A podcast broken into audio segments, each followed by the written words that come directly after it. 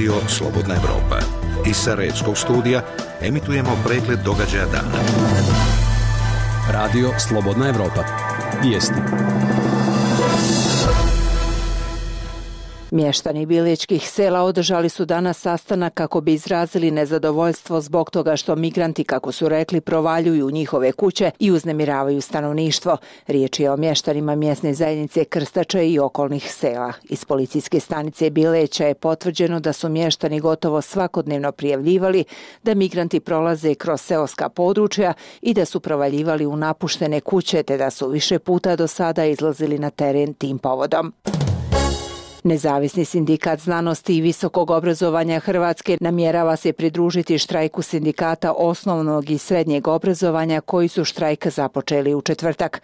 Vilim Ribić, predstavnik Matice sindikata Hrvatske, najavio je kako će sutra službeno najaviti štrajk. Sindikati od vlade traže povećanje plata. Snage turske vojske i njihovi sirijski saveznici zauzeli su velike dijelove sjevernog sirijskog grada Suluku u novom napretku tokom njihove ofanzive protiv sirijskih demokratskih snaga, objavio je sirijski observatori za ljudska prava. Suluk se nalazi 10 km od sirijsko-turske granice. Ministar vanjskih poslova Turske Mevlut Čavušoglu smatra da je vojna operacija Turske u Siriji nužna za nacionalnu sigurnost i da bi se raseljeni Sirijci vratili kuće. Istovremeno Velika Britanija je zabrinuta zbog turske vojne akcije na sjeveru Sirije, rekao je britanski premijer Boris Johnson u telefonskom razgovoru sa turskim predsjednikom Recepom Tayyipom Erdoganom. U Tunisu se danas održava drugi krug predsjedničkih izbora. Građani će novog lidera birati između medijskog mogula Nabila Karuija i pravnika Kajsa Saeda. Karuji je u prvom krugu osvojio 15,6% glasova, a Saed 18,4%. U prvom krugu predsjedničkih izbora koji je održan 15. septembra učestvovala su 24 kandidata. Policija i demonstranti sukobili su se danas na ulicama Hong Konga na kojima vlada haos. Nekoliko protestnih skupova u tržnim centrima počelo je mirno, ali su kasnije prerasli u nasilne kada su demonstranti počeli da uzvikuju oslobodite Hong Kong. Situacija se pogoršala kada su demonstranti obučeni u crno počeli da uništavaju i razbijaju prodavnice i metro stanice i podižu barikade na ulicama širom grada. Policija je uhapsila veliki broj ljudi i upotrebila upotrebila suzavac protiv demonstranata. Najmanje 25 osoba je poginulo u naletu tajfuna Hagibis koji je pogodio nekoliko regija u Japanu, a za 15 ljudi se još traga. Umeđu vremenu su spasioci i zvaničnici saopštili da je oko stotinu ljudi širom zemlje povređeno. Oko 376.000 domaćinstava ostalo je bez struje, a 14.000 bez tekuće vode. Vrijeme sutra sunčano sa najvišom dnevnom temperaturom od 21 do 27 stepeni. Vijesti pripremila Dženana Karabegović. Radio Slobodna Evropa. Program za Bosnu i Hercegovinu. Na vratima Evrope. Emisija o evropskim integracijama. Srdačan pozdrav, poštovani slušalci. U ovoj emisiji, pored ostalog, možete čuti. Entitetske vlade usvojile program socioekonomskih reformi do 2022. godine. To je finalni, saglašeni, sinhronizirani materijal između dvije entitetske vlade. To je vrlo značajno. Stručnjaci Njemačke agencije za međunarodnu saradnju GIZ o energetskoj efikasnosti regiona. U državama Zapadnog Balkana energija se i dalje rasipa u velikoj mjeri, što ima štetne posljedice za privrednu konkurentnost, društvenu stabilnost i okoliš regije. Ministri unutrašnjih poslova Evropskog bloka sastali se u Luksemburgu kako bi razgovarali o migracijama. Ministri su izrazili posebnu zabrinutost da bi slanje turskih vojnih trupa na sjeveroistok Sirije moglo izazvati novi val izbjegli izbjeglica u Evropu jer je takozvana istočna mediteranska ruta od Turske do Grčke ponovno glavni kanal za tražioce azila koji stižu na kontinent. Kako su se zavoljele Maja iz Bihaća i Dunja iz Afganistana. Išla sam u ljetnu školu, tamo smo radili puno toga. Tamo sam upoznala i svoju najbolju prijateljicu Maju. U Fočanskom selu Zamršten povratnici još čekaju na obnovu svojih domova. Nekako svaki put idem nazad, ne unaprijed po tom je spisku. Još sam naš 18. pa 24. 28. sad sam 39. A sada opširnije o ovim, ali i drugim temama. Na vratima Evrope. Vlade Federacije Bosne i Hercegovine i Republike Srpske usvojile su zajedničke socioekonomske reforme za period 2019-2022 godina. U ovom dokumentu je navedeno kako će oba entiteta preduzeti odlučne korake za smanjenje poreznog opterećenja rada kako bi podstakli konkurentnost i omogućili dodatno povećanje plata. Federacija će smanjiti ukupne stope doprinosa, dok će Republika Srpska smanjiti ekonomski i socijalno neopravdana parafiskalna davanja. Govore entitetski premijeri Fadil Novalić i Radovan Višković. Restrukturiranje javnih preduzeća, unapređenje poslovne klime za cilj imaju osigurati brži ekonomski rast te unapređenje položaja svih građana, a posebno položaja mladi, to je finalni, usaglašeni, sinhronizirani materijal između dvije entitetske vlade. I svi nosimo odgovornost znači, za njihovu realizaciju.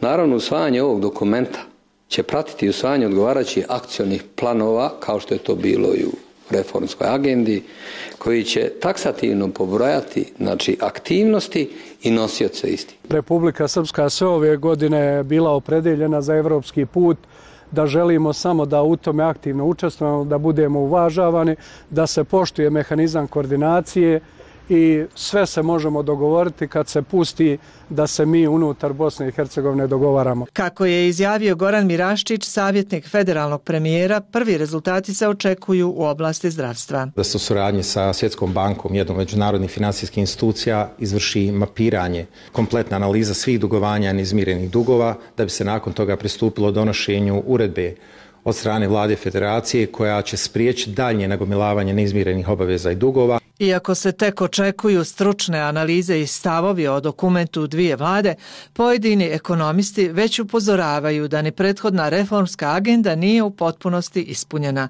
Tako ekonomski analitičar Zoran Pavlović kaže.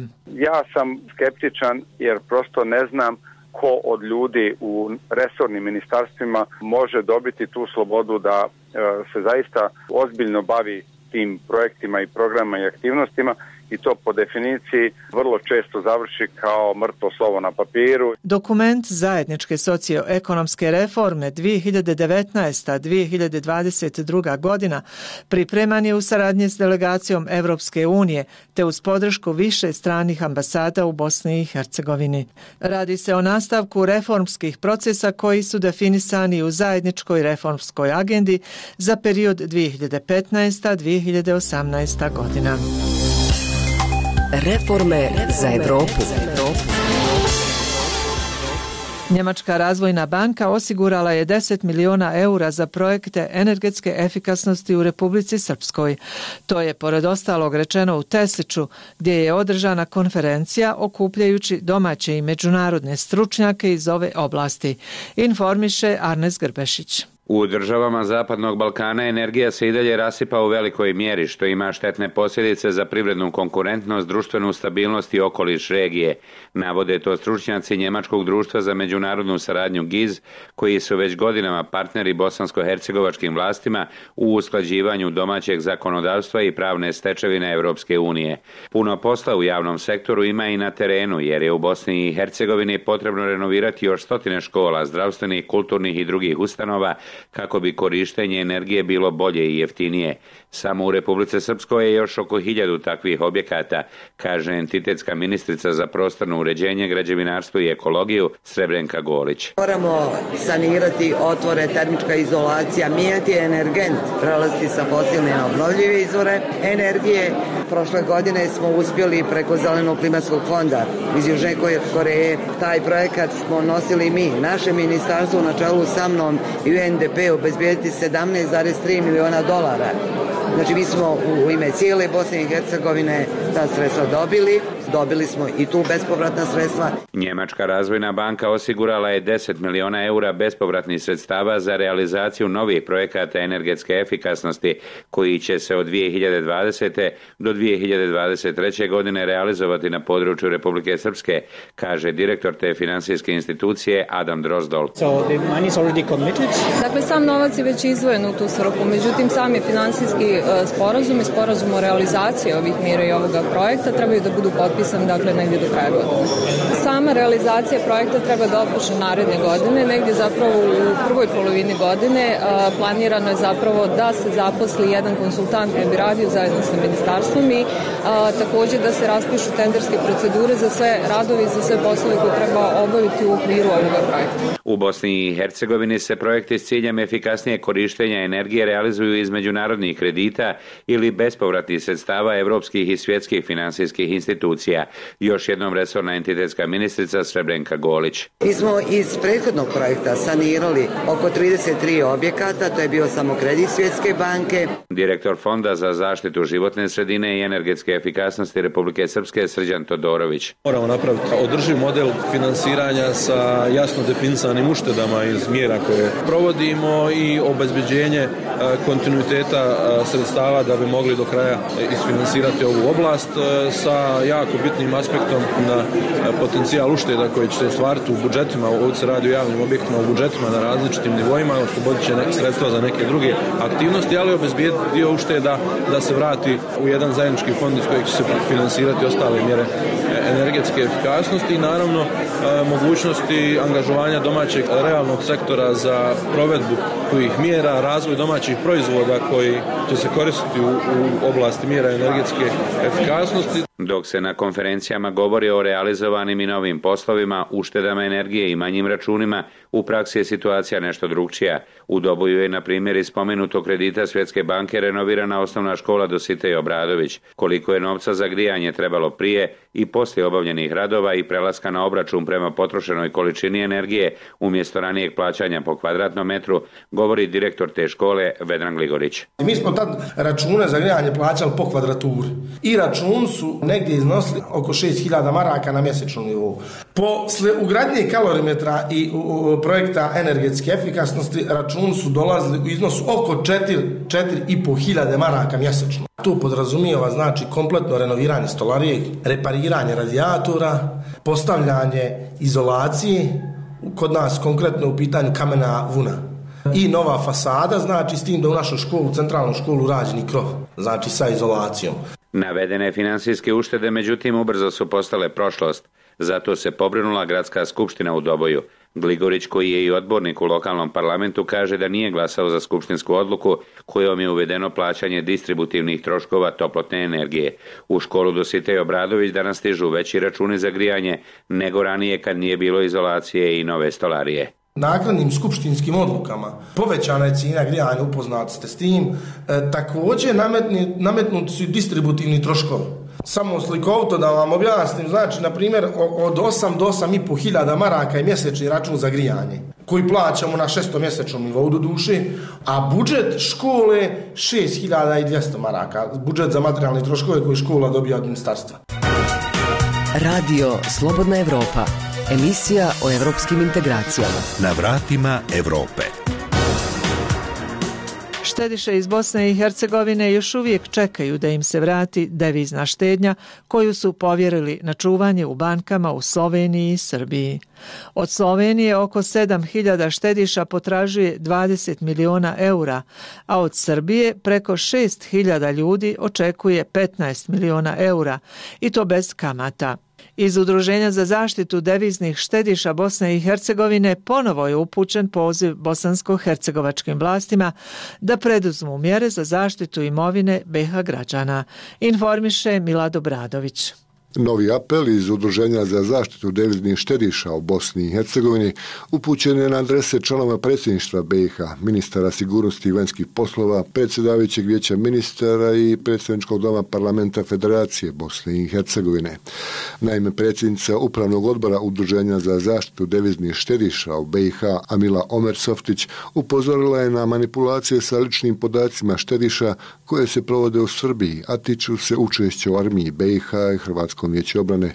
Od BH institucija se traži. Da spriječe e, potpisivanje bilo kakvih zaključaka sa Srbijom. Da podhitno poduzmu sve potrebne mjere kako bi se zaštitila imovina štediša kod srbijanskih banaca i obezbijedila sigurnost naših štediša koje su bile u armiji HVO. Tražimo da ministar Crnadak hitno obavijesti Ured Vijeća Evrope u Sarajevu o nedopuštenom uplitanju ureda za izvršenje presuda Evropskog suda u Vijeća Evrope u imovinu i sigurnost središa iz Federacije Bosne i Hercegovine i da se o tome hitno izvijesti Komitet ministara Vijeća Evrope.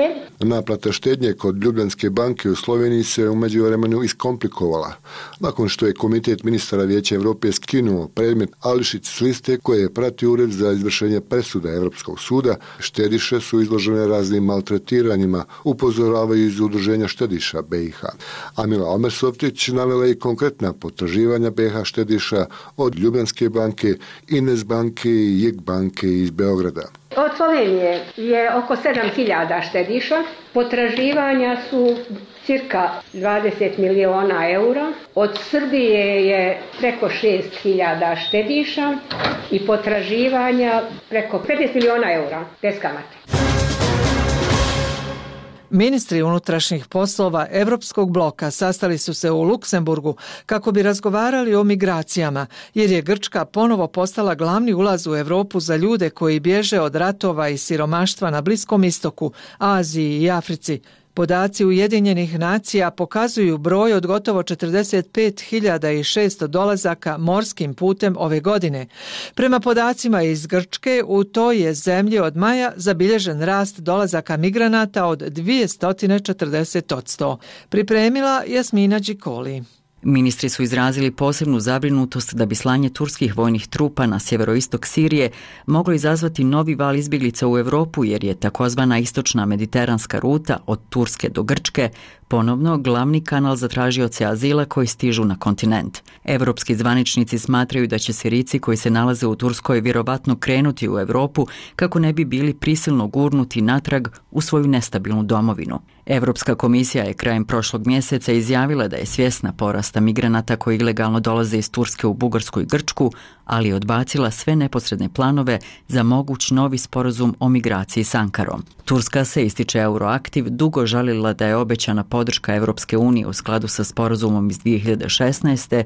u iznosu od 6 milijardi eura u zamjenu za zadržavanje migranata bila neadekvatna. Agencija Associated Press navodi kako je većina zemalja članica Evropske unije odbila podržati hitni plan za spašavanje migranata s čamaca u Sredozemnom moru i njihovo raspoređivanje među voljnim partnerima iz Evropskog bloka na sastanku održanom u utorak u Luksemburgu, gdje se trebao procijeniti entuzijazam zemalja članica u vezi privremenog plana po kojem su države trebale dati unaprijed deklarisano obećanje o tome koliko će azilanata prihvatiti.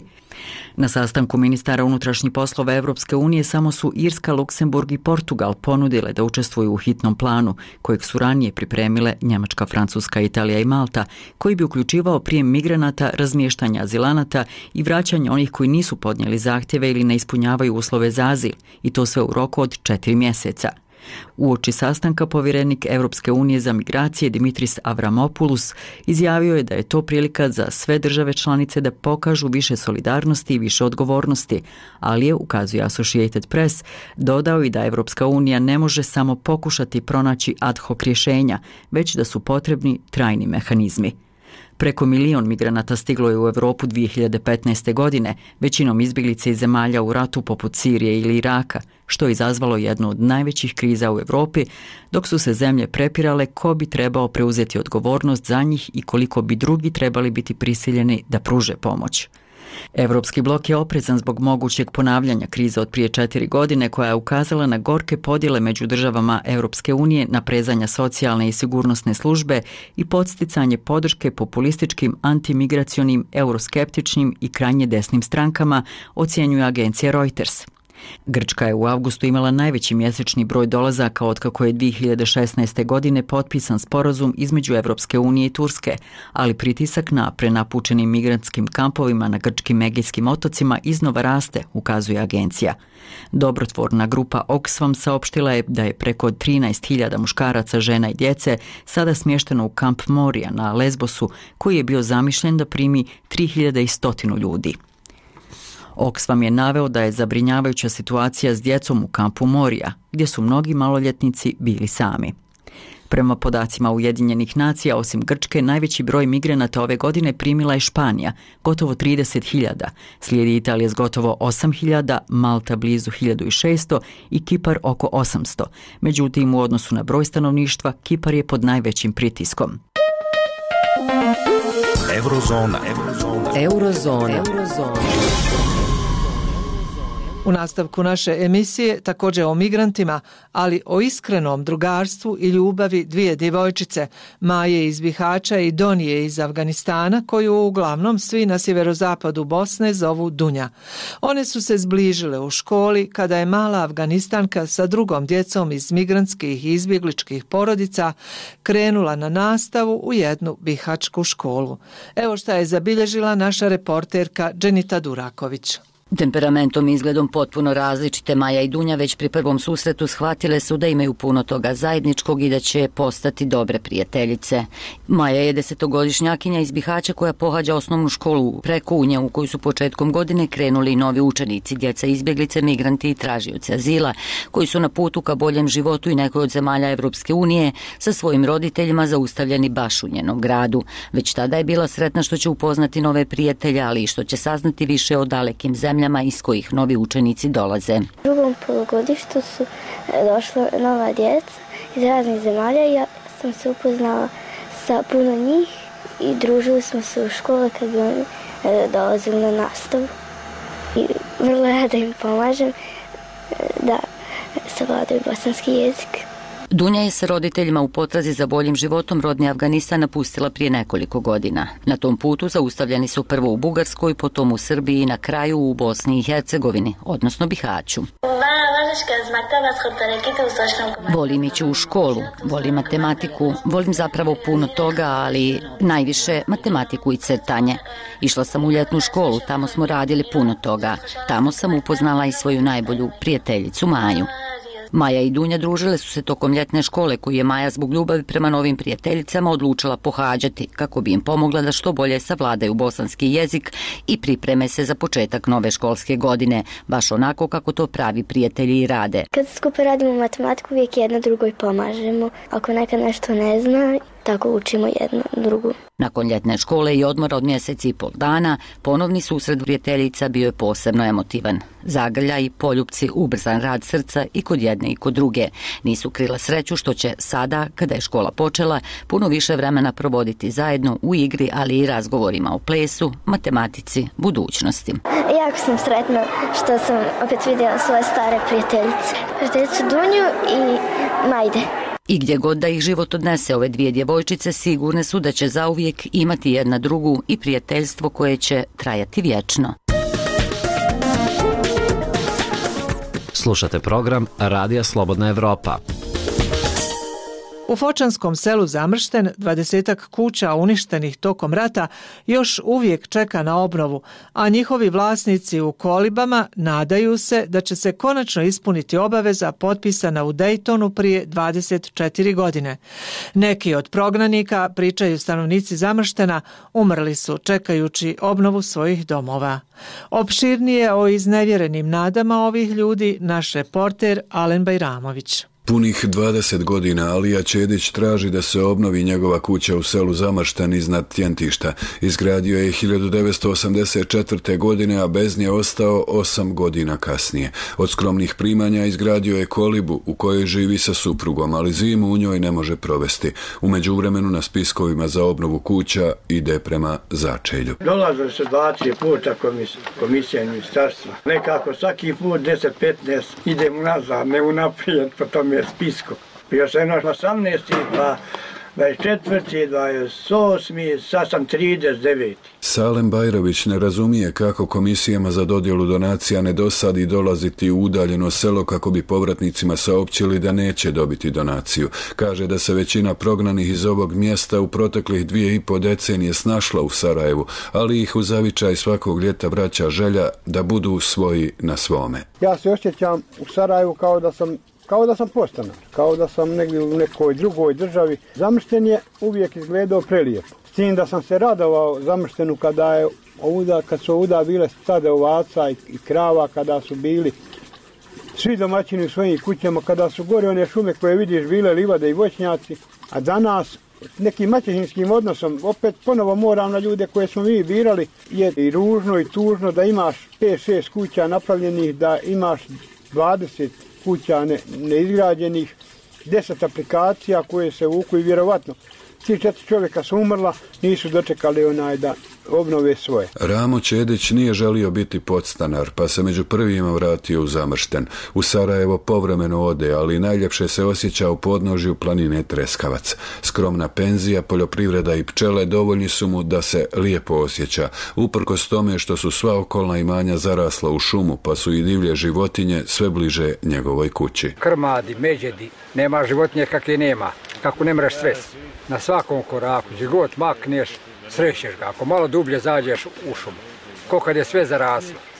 O svoji poslom, ja svoje, je prepanem ja njega, prepane i on mene u stranu, jedan i drugi i razmini. Evo, neko veče vodi. Načero ga, Ja odšao u kuću, se vratio, od inada im peš ljiva prekinuo popola. Posljednji dani lijepog vremena koriste se za završetak berbe i sušenja voća koje stiže do sarajevskih tržnica. Nakon dugo vremena, bar na taj način, nagrađena je upornost i naporan rad ovih vrijednih ljudi. Slušate program radija Slobodna Evropa. Imamo zajedničku viziju. Slijedimo svoju misiju. Profesionalno, informativno, zanimljivo. Radio Slobodna Evropa. Pod poznatim sloganom Budi zdrav kao dren, u Drvaru je ovih dana održana 18. privredno-turistička manifestacija Dani drvarske drenjine. Uz bogat kulturno-zabavni program posjetioci su mogli probati, ali i kupiti proizvode ove samonikle i zdrave vočke. Tamo je bila i naša reporterka Željka Mihaljević. Promocija drenjine i njene iskoristivosti u pravljenju zdravih domaćih proizvoda cilje tradicionalne gospodarsko-turističke manifestacije. Tu priliku ne propušta niti jedno obiteljsko gospodarstvo drvaru, pa ni Mirjana Pečanac. Donijeli smo džem kao prioritet. Dobre su drenjne bile, lijepo se umutio, pravo je bio dobar. E, mućeni džem, kuvani džem, džem bez šećera, liker, imber, to je sok ili sirup, gorki imber, najviše se traži mućeni džem. Nedaleko od nje za svojim štandom je Goran Miljević. Pitamo ga što drvačanima znači taj crveni plod. To je naš brend od djetinstva, mi smo to kupili krče, to rastu u divljine ovim brdima. Meni majka tu u brdo odmah iza, iza Titove pećine. Tu sam odrastao sa djedom, kao djete sam to počeo da kupimo, da tresemo. Prije nekih 30 godina to je bio žensko piće, slabija rakija, sad je to postao brend. Načelnica drvara Dušica Runić ističe kako je Drenijada odavno izašla iz lokalnih okvira. Već par godina unazad poprivla regionalni karakter e, iz razloga što smo pored lokalnih domaćih proizvođača i prerađivača e, ove čudesne biljke drena okupljamo i druge izlagače iz e, Bosne i Hercegovine, Hrvatske, Slovenije, Srbije i tako dalje. Drvarska drenijada ove godine je postala punoljetna, a ne bi bila ono što jeste kada posjetitelji ne bi mogli na licu mjesta vidjeti kako se proizvodi čuvena rakija drenja. Ne bi ni vas ni nas bilo ovdje danas, da nije drenjine i ovoga veselog stroja. Moji prijatelji, kumovi, znači svi drvačani, znači ama baš svi. Govori Milorad Grujić kao i to da se za jednu litru treba poprilično namučiti jer je dren škrta voćka. Mi računamo 100 kg oko 6 litara rakije. Pa kad to podijelite dobijete računicu tačno. Uz degustaciju zdravih proizvoda posjetitelji su uživali i u ostalim sadržajima kulturno-zabavnog i etnografskog karaktera kojima se drvarčani također ponose. Slušajte nas, gledajte nas, čitajte nas. Sve na jednoj adresi slobodnaevropa.org. Toliko ove nedjelje, poštovani slušalci. Hvala na povjerenju i ugodno poslijepodne žele vam Enes Hrnjičić i Gordana Sandić Hadži Hasanović.